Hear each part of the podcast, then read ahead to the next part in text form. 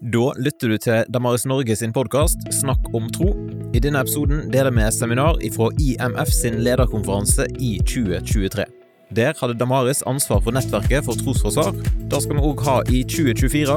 Den 1. til 3. november er det lederkonferanse i Straume forum på Sotra, så der er det mulig å bli med om du ønsker å delta i et sånt trosforsvarsnettverk. Her kommer dagens episode. Poenget her at egentlig, egentlig kan det være en innvending som, som, på en måte får en til å forlate kristen tro, men det er et av de beste argumentene for kristen tro. Og Det har jeg lyst til å vise dere. Så jeg har valgt å ha det som en grunn til at jeg er kristen. Ok? Det bygde opp litt om temaet. Og så fikk jeg eller sagt, satt det litt inn i sammenheng at dette er en viktig bit av vår tro. Dette er en vanlig innvending osv. Kan vi tro på en god Gud når det er så mye vondt i verden? Helt tilbake på 300-tallet før Kristus så er det det tidligste vi har dokumentert gjennom eh, filosofen Epikur, det ondes problem. Her er Stefan Gustavsson fremstilt det på denne måten her, ut ifra Epikur for 300-tallet før Kristus. Dette er det ondes problem. Hvis Gud er god, så vil, eller, vil han, eller så ønsker han å utrydde det onde. Ikke sant? Hvis han er allmektig, så har han mulighet, eller da kan han utrydde det onde. Han kan bare knipse og ta vekk det onde. Siden det onde da er en del av vår verden, så blir konklusjonen at det fins ingen god eller allmektig. Eller en god og allmektig, begge deler kan ikke være mulig i forhold til Gud. Det er ondes problem. Er det noen som har hørt det i en eller annen form?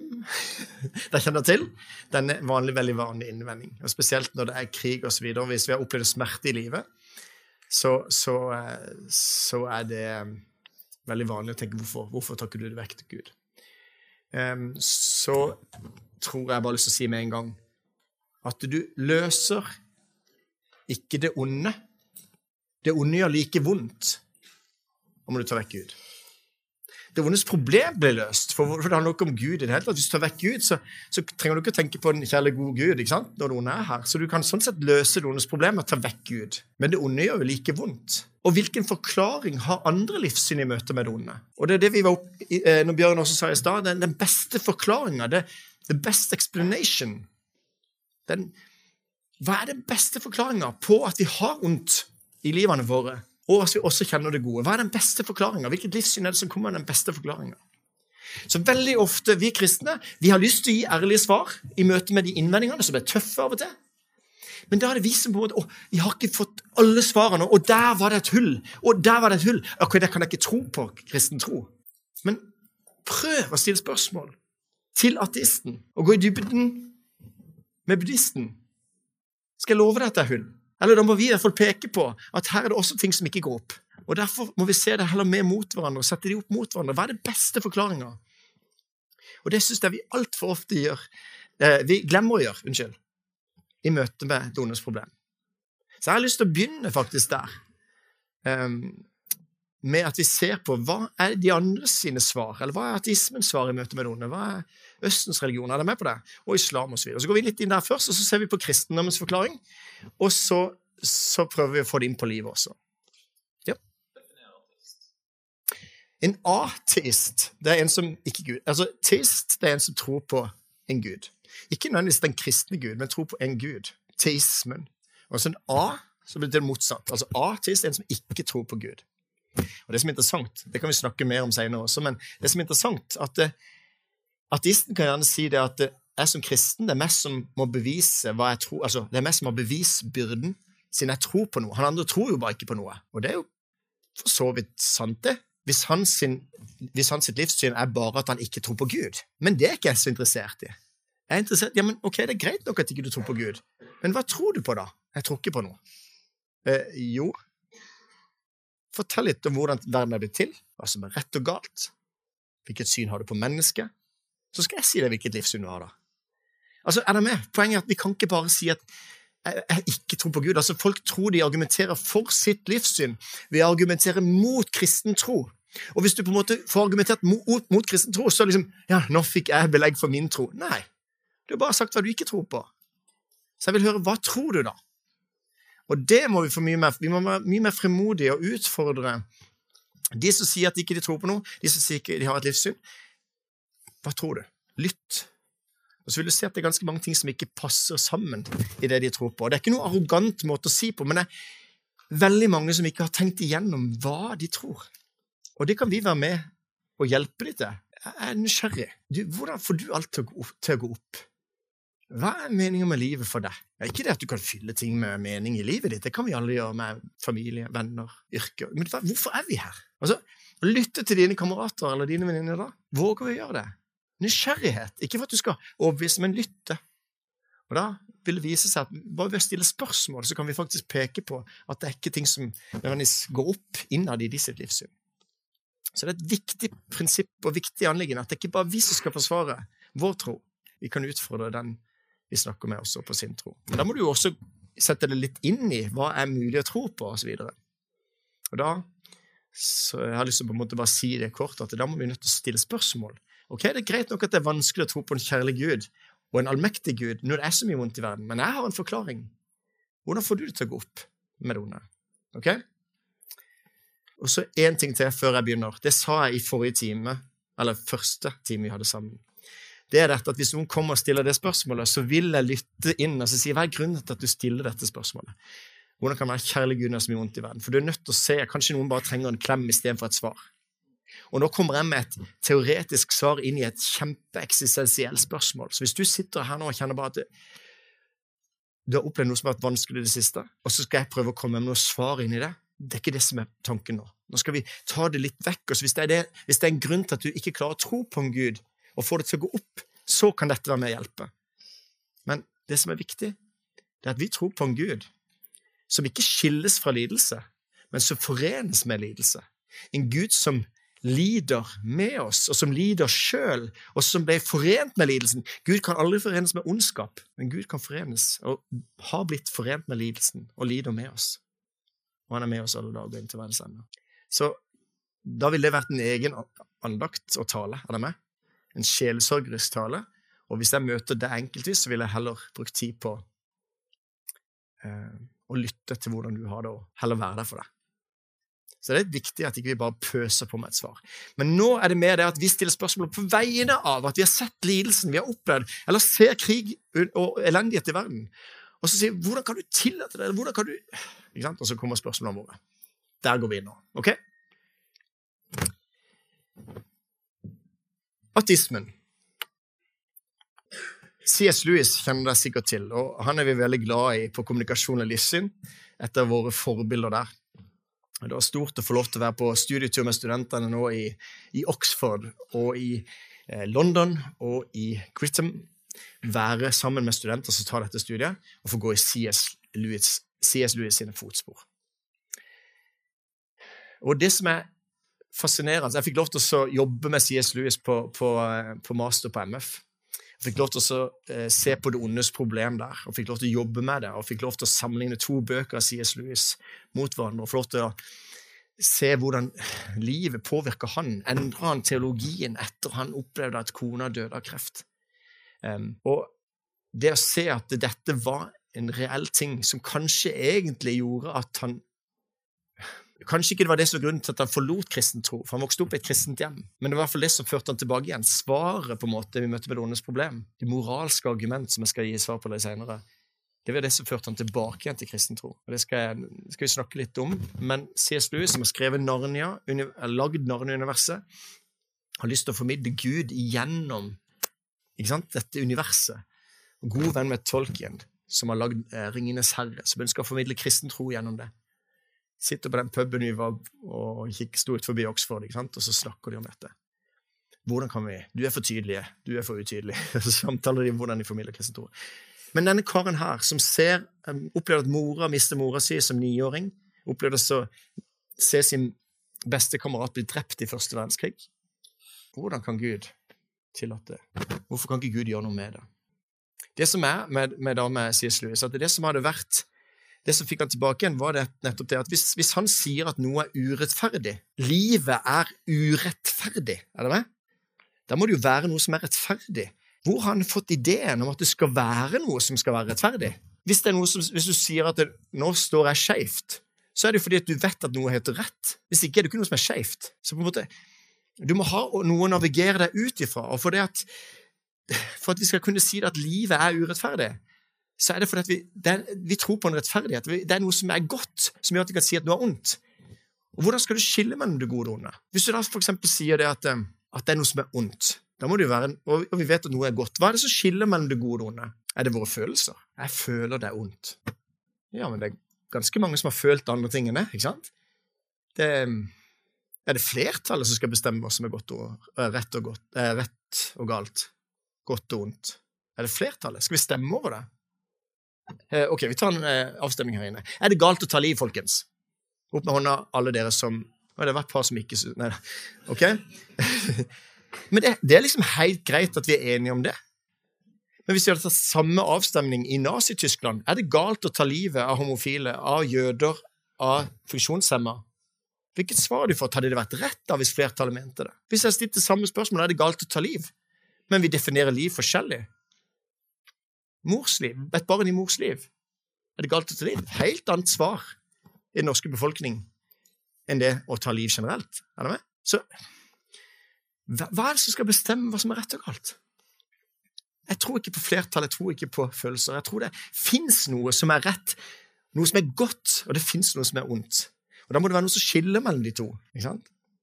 Og Den moralske lov da må ha en lovgiver som da blir et argument for Gud. Et av de beste argumentene for Gud, som er ufattelig vanskelig å tilbakevise. En litt vanskelig objektiv moral. Det er ikke på en måte avhengig av vår subjektive følelser eller hva vi tenker, men det er noe som er godt og noe som er vondt. Og det er et av de beste argumentene for at det må nødt til å være en gud. Hvis ikke du følger meg helt på det, så er det i hvert fall litt sånn viktig å si at ateisten vil jo også oppleve det vondt i livet. Og hvis du da skal utfordre ateisten på å si ja, men hvordan forholder vi oss til det onde, så er jo onde, det onde bare like naturlig som det gode. Det er jo en del av livet. Shit happens. Jeg sier ikke at de ikke syns det er så vondt med noe, men det er jo en del av livet. Og vi kan ikke si at det ikke skulle være sånn, for sånn er jo livet. Men som kristen kan jeg si nei, det skal ikke være sånn. Det onde er drit. Unnskyld uttrykket. Er det med? Det er ikke ment. Altså, det, det skal ikke være sånn. Og det, det kan jeg som kristen si. Det fins en rettferdighet. Det fins noe som er godt. Og derfor er det onde Ja, ikke sant? Så derfor må vi se på en måte hvordan andre livssyn kommer i rette med det onde. Jeg syns det er vanskelig at det skal være følelser eller andre ting som skal Og Sam Harris, en av disse nyhetistene, sammen med Richard Dawkins og flere, noen som har vært veldig aggressive mot kristen tro, prøver nå på en måte å finne ut av en moral ut ifra vitenskap. Basert på erfaring og hva vi har, så finner vi ut at dette er det riktige, dette er det gale.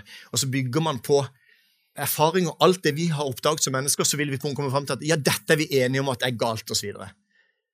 For vi kommer jo opp i problemstillinger som er ganske krevende. altså Vi har sett litt i avisen, i debatten på eh, Skal et menneske, f.eks. med Downs, er det vits at vi på en måte skal det få lov til å leve? For den koster for samfunnet. Og den kostnaden det koster, vil jo gjøre at eh, vi ikke kan gi medisin til noen som er syke, som egentlig var friske. Skjønner du hva jeg mener? Plutselig blir det en sånn etisk diskusjon. For hva er rett og galt? istedenfor å si at vi skal ikke ta liv. Alle mennesker er verdifulle, ikke sant? og så videre, som vi som kristne har. Men du, du, får, du, får, en del sånne ulike etiske problemstillinger som er ganske krevende. Og Da må du bygge moral på hva og da er det noen som vil bygge moral på hva som er økonomisk forsvarlig. eller Det som gir nytte. Mest mulig nytte for flest mulig. Ikke sant? Men det er ganske krevende når det begynner å bli et økonomisk spørsmål. Så jeg syns det er litt kult å på en måte bare utfordre tilbake igjen at det, ja, du løser ikke det ondes problem med å ta bort Gud. Det onde gjør like vondt. Og hvordan kan du i hele tatt si at noe er urettferdig? Og Det var det spørsmålet der som fikk C.S. Lewis til å komme tilbake igjen og si at hm, det at jeg kan si at det er noe som er urettferdig, det var ikke ment å være sånn. Og når ikke dette livet her kan gi meg alle svarene, så betyr det at det må finnes noe, et liv etterpå, som kan tilfredsstille den lengselen jeg har. Jeg er litt over på lengselens argument for Gud også, men, men det er et argument for at siden ikke vi får tilfredsstilt alt i dette livet, så er det et argument for at det fins et liv etterpå. Hvis vi ser på Østens religioner Nå gjør jeg det veldig lite fair, beklager det. Jeg gjør det veldig kjapt, men vi skal bare få et lite riss av det. Og Østens religioner, hvis en tenker det buddhismen og hinduismen det at du husker det for religionstimene, så er det feil å ta det sammen, for det at buddhisten tror ikke på noen guder, og hinduisten, hinduisten er mange guder. Men hvis vi nå skal se på noen likhetstrekk, så handler det om at alt er Gud. Meg, Bjørn er del av samme guddommen. Stolen er en del av samme guddommen. Alt på en måte er en del av Gud. Så på en måte også det gode og det onde er innad i Gud. på en måte. Altså, Er det med? En sånn tanke som at gjør at det er ikke så lett å skille på det og si at vi vil ikke ha det. vi vil, ikke sant? Alt der. Så er det snakk om å finne balansen inn og yang, og finne balansen i livet. Eller bare det at hvis det skjer noe ondt da, i ditt liv, så er det en grunn til det. Karma. Karma som slår tilbake. Det fins en sånn svevende rundt i universet, så er det en rettferdighet som svever. Så at hvis du gjør noe ondt mot noen, så vil det slå tilbake på deg. Da tror man på en slags Man tror på at det, det vil slå tilbake på en, ikke sant? Så det betyr at hvis du opplever uh, noe vondt i livet ditt, så er du sjøl skyld i det. Eller i ditt forrige liv. Og det er ganske krevende å fortelle dette til et menneske som opplever vanskelige ting. Hva er det du har gjort, eller? Ikke sant? Og Det betyr også at hvis du er født kasteløs i India, og kastesystemet er offisielt avskaffa, men allikevel det, fungerer det sånn at hvis du er kasteløs, så har du ingen verdi. Og så trenger du sånn sett egentlig ikke å hjelpe den personen, fordi at den er jo sjøl skyld i at han er der. Men du får jo god karma av å gjøre det. Er det med? Så derfor kanskje man gjør det likevel. Men det er et eller annet der som jeg bare syns er så krevende. At det er en rettferdighet som gjør at du, du vil eh, slå tilbake på en sjøl. Og at hvis du opplever noe vondt, så er det du sjøl som er skyld i det. Um, det er ikke noe brudd mellom det gode og onde. På en måte, alt er på en måte en del av guddommen. Um, vi tenker um, Jeg vet ikke om jeg skal si noe mer om det, fordi det er så mange ting man kunne gått inn på. Uh, men jeg har lyst til å bare ta kort islam òg, sånn at vi går videre til kristen tro. Det som jeg syns er krevende med islam Islamen, uh, en muslim, er jo en taste. Så vi har mange likhetstrekk med muslimene. De tror på Gud, en skaper, osv. Men i islam så har det aldri vært et brudd, en, et brudd, med Guds vilje. Det har ikke vært noe syndefall. Så på en måte alt som skjer, det er Allahs vilje. Så har de en skjebnetro, som er en fatalisme, en sånn en skjebnetro som gjør at det, alt som skjer, er Allahs vilje. Og kanskje Det er bare sånn påstand som er Jeg tror egentlig sånn at det, når mange sier ja, men det er, det er, jo, din Gud som har sendt den ondskapen, eller har, er årsak, så det er egentlig ikke min Gud de angriper. Det er mer muslimenes Gud som er årsak til alt. Alles, alt som skjer er alles vilje. Inshallah. Ikke sant? For meg som er kristen, så skapte Gud alt overmåte godt, og så har det skjedd et brudd med Guds vilje. Så det er ikke sånn Gud vil ha det. Denne verden er ikke sånn som Gud vil ha den. Men, ja, men er han ikke sånn som Gud vil ha den? Ja, men han har jo tillatt det. Ja, men da må vi se på hvorfor han eventuelt har tillatt det. Men, men det er ikke, alt som skjer, er ikke Guds vilje. Et annet spørsmål er at Gud har tillatt det. Det kommer vi tilbake til. Er dere med på dette? Så islam, så der det på en måte mer, det på topp der, det er at han er allmektig. At Allah er allmektig.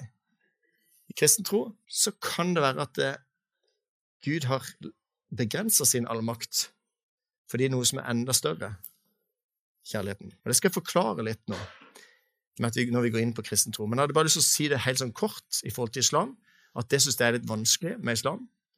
At alt som skjer, er Allahs vilje. Um, og så blir det ikke rettferdig å si det så kjapt, er det med? Men, men, det som er hovedpoenget mitt her, det er at alle må redegjøre for det onde, og hvordan får de det til å gå opp. Ateisten, muslimen, alle sammen. Og så vil jeg gi mitt, mitt svar på hva jeg tenker kristen tro vil si. Ja. Nei, altså, bare, liksom, Sier du da at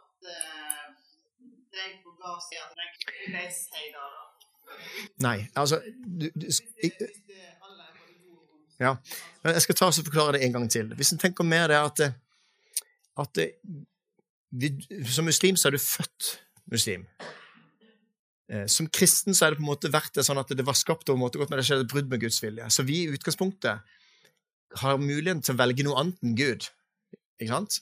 Og så For meg så er det ganske viktig å si det sånn. Ok, har tatt tilbake igjen til um, ta tilbake igjen til um, skapelsen, da.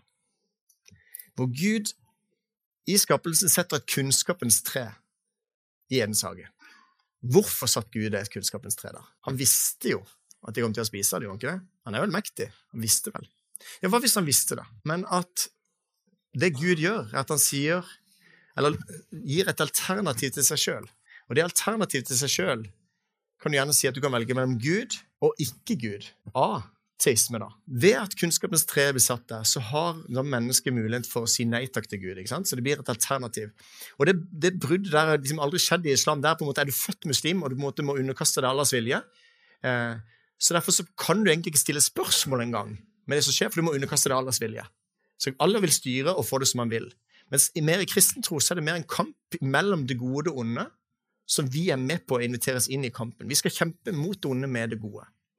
Så derfor så på meg, meg blir det sånn at eh, eh når, når Allah skaper, så er, så er det Allahs vilje. Alt som skjer, er Allahs vilje. Men i kristen tro så er det en kamp mellom det gode og det onde. For Gud har tillatt det onde å bli et altern... Altså, tillatt det onde å komme inn. Gud tillot slangene å komme inn i egen sage. Gud tillot Satan å få slippe til på jobb. Så Gud har tillatt Og hvorfor gjorde han det? Jeg tenker det er så sentralt på dette med at det er et alternativ til Gud. Du kan velge mellom Gud og ikke Gud. Så kunnskapens tre er der.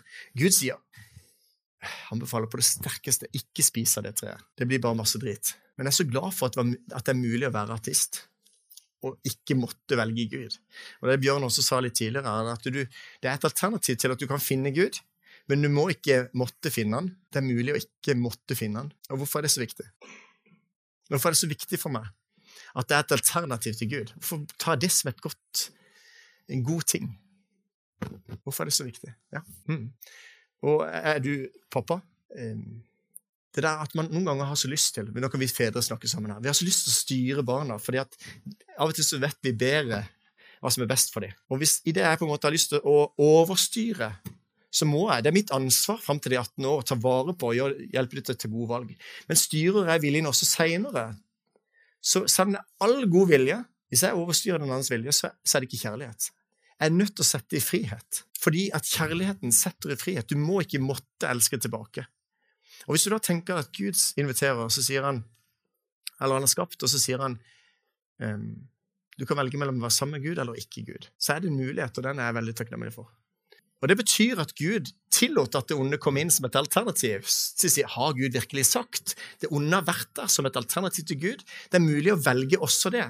Og, og det tror jeg er ganske sentralt. Det betyr at det onde er her, og Gud har tillatt det. Det onde er ikke i Gud, men Gud har trukket seg vekk fra et område og gitt et alternativ til seg sjøl. Og på en måte så vil det jo være sånn at eh, da er det onde noe det, Altså noe annet enn Gud. Det er ganske viktig. Det onde er ikke i Gud. Ja, men Gud har skapt alt, det må jo onde være Gud også. Nei, men tenk deg at hvis Gud har skapt, trekker seg vekk fra et område, og der hvor Gud ikke er, det må være et helvete. hvis jeg skjønner hva jeg mener. Så det at Gud har gitt meg muligheten for Han sier til meg jeg elsker deg. Jeg får anledning til å gi respons tilbake igjen. Jeg elsker deg også. Eller jeg vil si nei takk. Jeg vil ikke ha noe med deg å gjøre, Gud. Og det tillater Gud. Og ikke bare det, men faktisk så er det sånn at det, til og med når Jesus forkynte, så var det noen som i Johannes 6, 66 for eksempel, så var det noen som sa at dette er harde ord. Og så forlot de Jesus. Til og med Jesus forkynte, så forlot de Jesus. Og Jesus lot de gå. Han løp ikke etter disse, Ja, men jeg, mente det ikke så alvorlig. Men det er på en måte en invitasjon, da. Kom, du som tørster. Det er en invitasjon til at du kan finne Gud, men du må ikke måtte finne Gud. Og Det er kjempesentralt i forhold til at det er gitt alternativ. Kunnskapens tre, slangen eller hva som helst. Men den, den diabolos, det motstanderen, djevelen, det motsatte av Gud, som er blitt et rom for at det skal være et alternativ til Gud. Hvis vi da tenker at vi skal se på kristen tro, kristendommen og det onde For du er ikke en Gud som har behag i urett. Jeg er så glad i det bibelverset der, Salme 5, vers 5. For du er ikke en Gud som har behag i urett. Den som er ond, får ikke bo hos deg. Salme 5, vers 5. Altså, Det onde kan ikke komme i nærheten av Gud. Kommer det onde i nærheten av Gud, så brenner det opp. For Gud er hellig. Og men, mange mennesker setter fokus på Gud som kjærlighet og godhet. Men hvis Gud er perfekt, bare god, bare hellig, så vil jeg si at en bitte liten synd i nærheten av Gud vil brenne opp. Og Det er derfor vi har evangeliet. Hvor det er sånn at det er ikke, Gud trenger ikke liksom 'Nå vil jeg se blod her fordi at de har, vært, de har gått imot min vilje', osv. Det er vi som vil se blod. Det er meg som roper etter rettferdighet. Gud, hvis du fins, så må du gjøre noe med denne ondskapen i denne verden. Ja, jeg skal det. Men hvis vi sier at Gud skal ta vekk det onde nå, hva skjer med meg da? Jeg skulle ikke vekk det onde når det onde er i mitt liv. For det skal jeg love deg. At Gud kunne ta vekk det onde på den sida og det gode på den sida. Men i mitt hjerte så er begge deler. Så hvis Gud skal ta vekk det onde, så er det å ta vekk meg. Jeg må ryddes av veien. Så hvis vi sier Gud, vi vil ha rettferdighet, så må vi se konsekvensene av det. Jeg må dø. Men for så høyt har Gud elsket verden at han ga seg sønnen enbånd for at den som tror på han ikke skal gå fortapt, men ha evig liv. Så er poenget at Gud elsker meg jo så mye at han da vil gå i døden istedenfor meg. Men vi roper etter rettferdighet. Rettferdigheten må skje. Gud vil ta et oppgjør med det onde, men Gud knuser seg sjøl fordi han elsker meg og deg. Så knuser han seg sjøl istedenfor å knuse meg og deg. Evangeliet. Vi, vi, vi, er nødt til, vi, er nødt til, å se hva evangeliet er. For Noen ganger så tror jeg vi sier det at Jesus døde på korset for våre synder. Men, men poenget er jo det. Ok, et eksempel. Hva var det du het for noe? Halvor. Halvor. Du leder lovsangen nå her.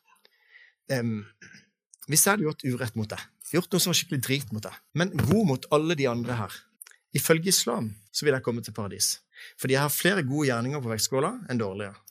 Er det med? Så det handler om å gjøre gode gjerninger, flere gode gjerninger enn dårlige. Og ikke bare i islam, faktisk i, i sånn allmennreligiøsiteten i Norge. Altså Ola Nordmann som tror på en gud. Og så lenge du gjør så godt du kan, så vil du sikkert komme til paradis hvis, du, ikke sant? hvis Gud vil. Litt likt som islam. Religiøsitet. Inshallah. Hvis Gud vil, så gjør jeg så godt jeg kan, så får jeg flere gode gjerninger enn dårlige, og så kommer jeg til paradis. Men hvis jeg hadde gjort, tatt bedriten mot deg, hva tenker du om at jeg skal komme til paradis? Jeg har vært god mot alle de andre. Hva tenker du om det? ikke sant? Du har jo fortsatt noe urett. Ja. Jeg syns ikke det er fair overfor deg.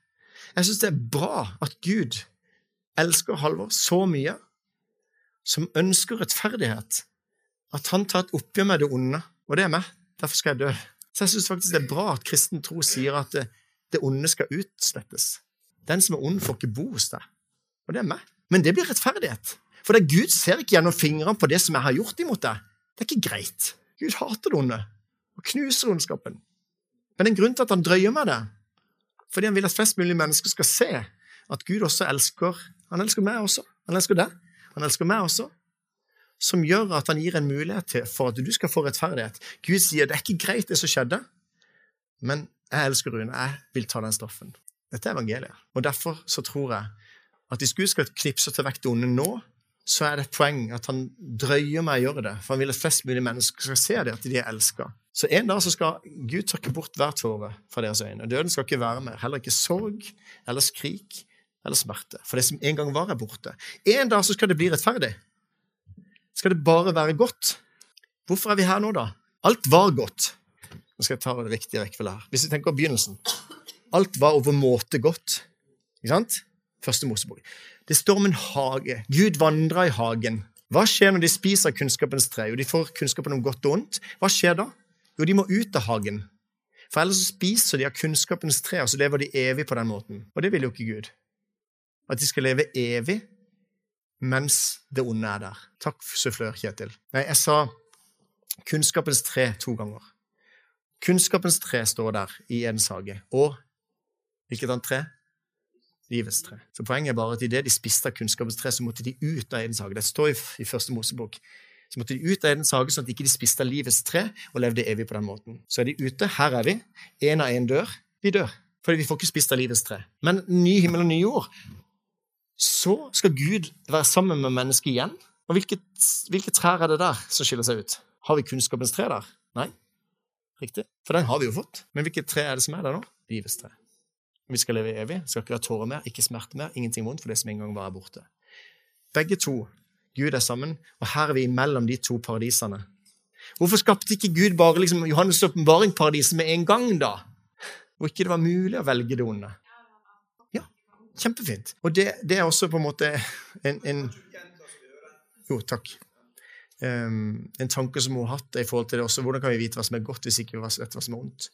Og Derfor kan vi også sette det opp mot Eh, så det er et kjempeviktig perspektiv. Og det er også ting som kan lære oss i forhold til at det er en åndskamp, og det er mange forklaringer i møte med det ondes problem. Hæ? Tre minutter igjen? Ok. Men, men poenget var bare å si um, Det var at, det, at, Gud på en måte har da tillatt at det onde kommer inn for at det skal være mulig å velge. Så Forskjellen på det første paradis og siste paradis er egentlig bare at det første så kommer alle mennesker. Og alle mennesker har mulighet for å velge Gud eller ikke Gud. I det siste paradis er de som vil, de som har valgt. Og da kan Gud ta vekk det onde og så sier nå er det nok. Nå har ondskapen gjort nok drit i den verden her. Og så knuser han det onde. Men alle de som har tatt imot Jesus, er jo reine og kan bo sammen med, med Gud. Så evangeliet er egentlig svaret på det ondes problem. Og det som er poenget, da sier ikke at det på en måte er en løsning, at det, onde gjør like vondt. Men det er da vi kommer inn på dette, at det onde, lidelsen, kan få oss til å eh, vende oss mot Gud. Når noen sier det at hvorfor, hvorfor kommer ikke Jesus igjen? Han har jo sagt i 2000 år at han skal komme igjen. Hvorfor kommer han ikke igjen? Det står i 2. Pes på 3, vers 3. Herren er ikke, så sier det, står det da at det, i de siste dager så vil det komme spotter, og så får vi spotte og sier hvor ble det av løftet om hans gjenkomst? Veldig relevant i dag. Har ikke Jesus sagt at han skal komme igjen ganske lenge? Og så står det at for Herren er tusen år som én dag, og én dag som tusen år. I 2. Pets brev 3,8. Og 3,9 så står dette. Herren er ikke sen med å oppfylle sitt løfte om det at han skal komme igjen som noen mener. Nei, han har tålmodighet med dere, for han vil ikke at noen skal gå fortapt, men at alle skal komme fram til omvendelse. Så hvis du da tenker at det er en invitasjon Gud elsker Gud vil ta et oppgjør med det onde, men han drøyer, for han vil at flest mulig mennesker skal se at han er Gud. Og så sier han nå er det nok, knuser ondskapen, og så de som vil, skal få lov til å leve sammen med ham. Derfor er allmakten på en måte underlagt. Altså, du kan gjerne si at Gud er allmektig, men du, i sin kjærlighet, har han satt deg over. For hvis du sier ja eller nei til Gud, så skal du faktisk være mer allmektig enn Gud på akkurat det feltet, hvis jeg skjønte hva jeg mente. Gud har begrensa sin allmakt og satt sin vilje under det at du kan få lov til å si ja eller nei, fordi han elsker deg. Derfor er frivilligheten så viktig. Og Derfor så blir vi invitert til å og, på en måte Når jeg som kristen, da, hvis jeg ser ut fra mitt perspektiv, så har jeg fått lov til å se det. Jeg har fått lov til å vite hvorfor ondskapen er kommet inn i denne verden, som et alternativ til Gud. Jeg blir utfordret som kristen til å kjempe mot det onde med det gode. Jeg skal be mot det onde fordi det er en åndskamp. Jeg skal være med på å gi videre den muligheten til at det fins rettferdighet. For det er det ingen andre som kan tilby. Ateisten kan si det, at det er drit i verden, men vi dør med det. Men som kristen kan jeg si at en dag så skal det bli rettferdighet. Og det er jo det håpet vi har som gjør at det, vi kan holde ut det meningsløse her. Holde ut. Og Det er derfor også mange av de forfulgte kristne rundt om i verden. Det er ikke de som har problemer med en allmektig og kjærlig Gud. Det er mer vi som har problemer på vegne av de, for de trenger jo Gud å, å, å, gå i døden for det, for de vet jo at de skal få rettferdigheten. da. Det samme hvis det slavene. De sang jo om himmelen der framme. Det gjorde at de holdt ut i lidelsen. Og da er en himmel over livet som gjør at det, det perspektivet som gjør at det vonde som skjer i mitt liv også, dette er ikke alt. Hadde det vært det, så hadde det vært drit. Men jeg kan gi et håp. Det syns jeg er fascinerende. Fikk ikke tatt alle punktene, men nå må vi ha respekt for tida.